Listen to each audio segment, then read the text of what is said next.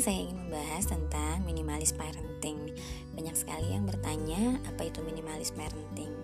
Sebelumnya saya membaca buku waktu itu berjudul berjudul minimalis minimalis parenting menyederhanakan hidup dan menikmati pengasuhan karya Christine Koch dan Arsha Donfes. Buku ini terbit di Amerika Serikat kalau nggak salah tahun 2013. Nah ketika saya membaca buku ini kok rasanya relate banget ya sama apa yang saya sudah lakukan selama ini dan saya jalani oh ternyata itu adalah uh, salah satu pemikiran dari minimalis parenting.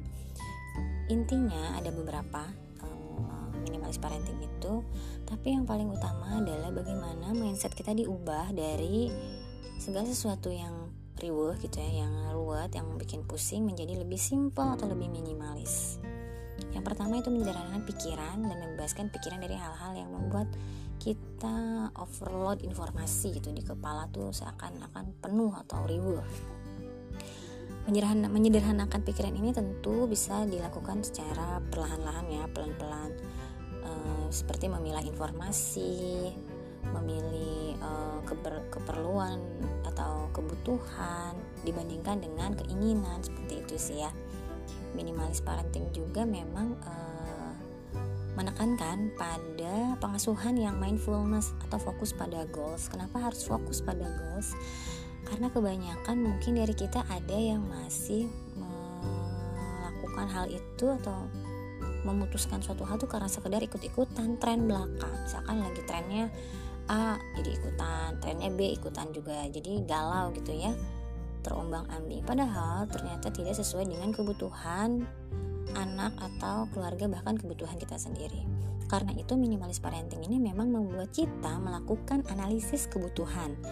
Analisis kebutuhan itu adalah memilah dan memilih apa sih yang paling uh, cocok diterapkan untuk di keluarga kita misalkan metode parenting apa, metode pengasuhan apa yang paling cocok. Kemudian saat membeli barang, saat membeli keperluan pun seperti itu. Apakah eh, sesuai dengan kebutuhan atau hanya keinginan belaka? Nah, itu juga perlu di apa namanya diubah gitu.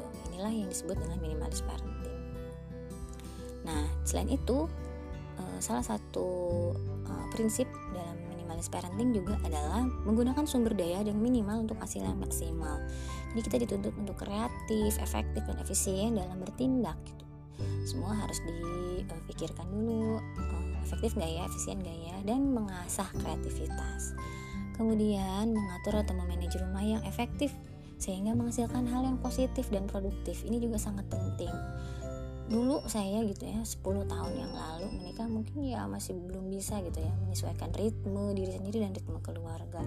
Jadi ya oh, berantakan sering riuh gitu sering nggak produktif dan merasa ya merasa kurang produktif gitu sebagai ibu rumah tangga. Tapi sekarang pelan-pelan ternyata semua itu bisa diatur dan di manage gitu sesuai dengan ritme kita dan ritme keluarga juga sehingga kita bisa produktif di rumah. Nanti mungkin detail-detailnya akan disampaikan di episode selanjutnya. Uh, sebelumnya terima kasih sudah mendengarkan episode ini. Wassalamualaikum warahmatullahi wabarakatuh.